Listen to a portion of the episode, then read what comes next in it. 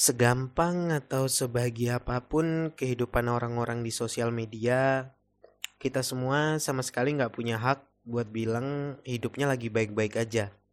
Karena ya tiap orang punya masalahnya masing-masing kan.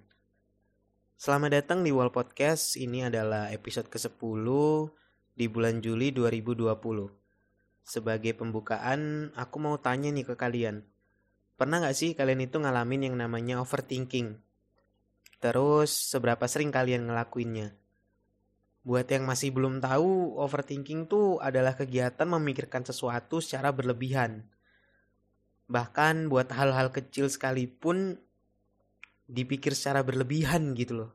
Kalau diambil dari segi positifnya nih ya, mikir hal-hal yang belum kejadian itu bisa dianggap sebagai tindakan hati-hati supaya nggak salah ngambil langkah ke depannya gitu kan.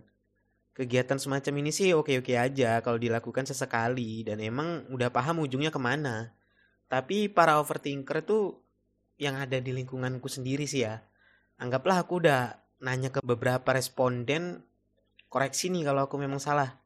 Jadi mereka itu mikirin sesuatu yang gak seharusnya mereka pikirin.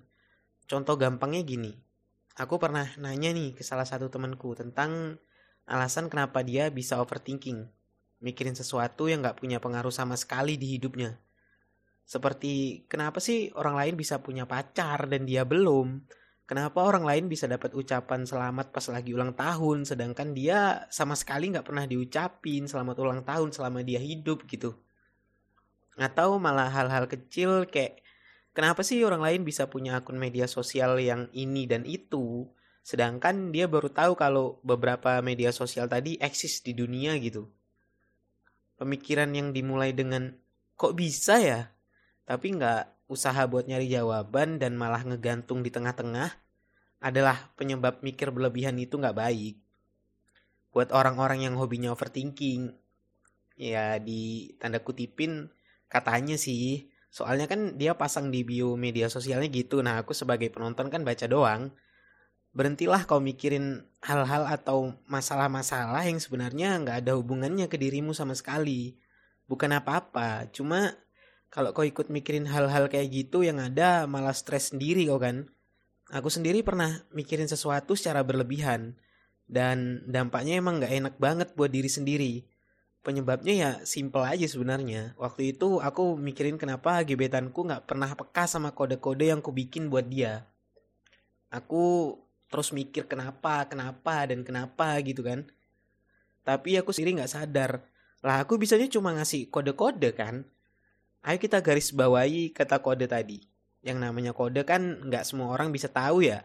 Menurut Wikipedia, kode itu dalam komunikasi adalah aturan untuk mengubah informasi menjadi bentuk atau representasi lain yang tidak harus dalam bentuk yang sama.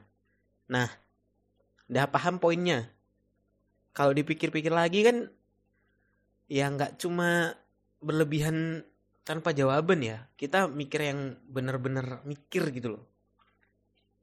Kenapa yang kutujukan ke gebetan tadi harusnya kan juga kutujukan ke diriku sendiri dong. Bukan cuma kenapa dia nggak peka sama kode yang ku kasih buat dia tapi juga kenapa aku mesti maksain buat dia supaya paham sama kode itu gitu loh.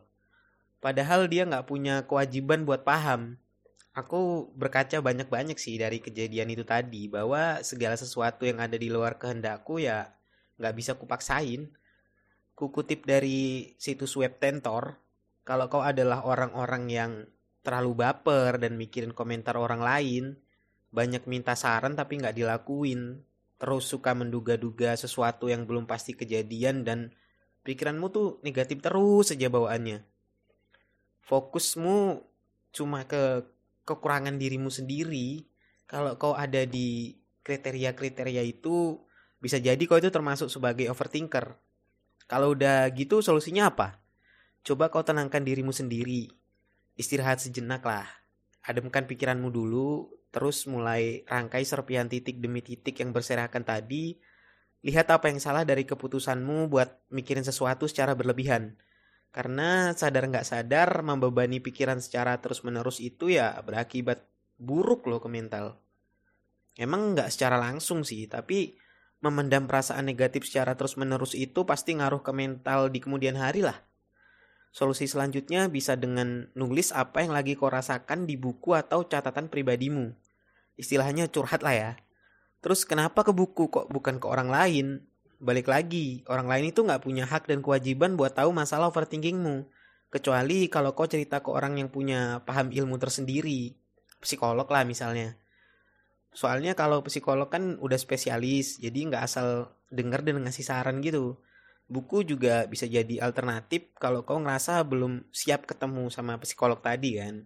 Dengan nulis apa aja yang lagi kau pikirkan, kau itu udah nuangin gimana ya, udah nuangin bagian masalahmu ke tulisan yang kau tulis gitu loh. Solusi berikutnya adalah ketika kau lagi overthinking, ya coba alihkan pikiranmu ke hal-hal yang kau sukai kayak membaca, dengerin musik, olahraga, atau apa pun lah yang bisa ngalihkan perhatianmu dari memikirkan sesuatu secara berlebihan.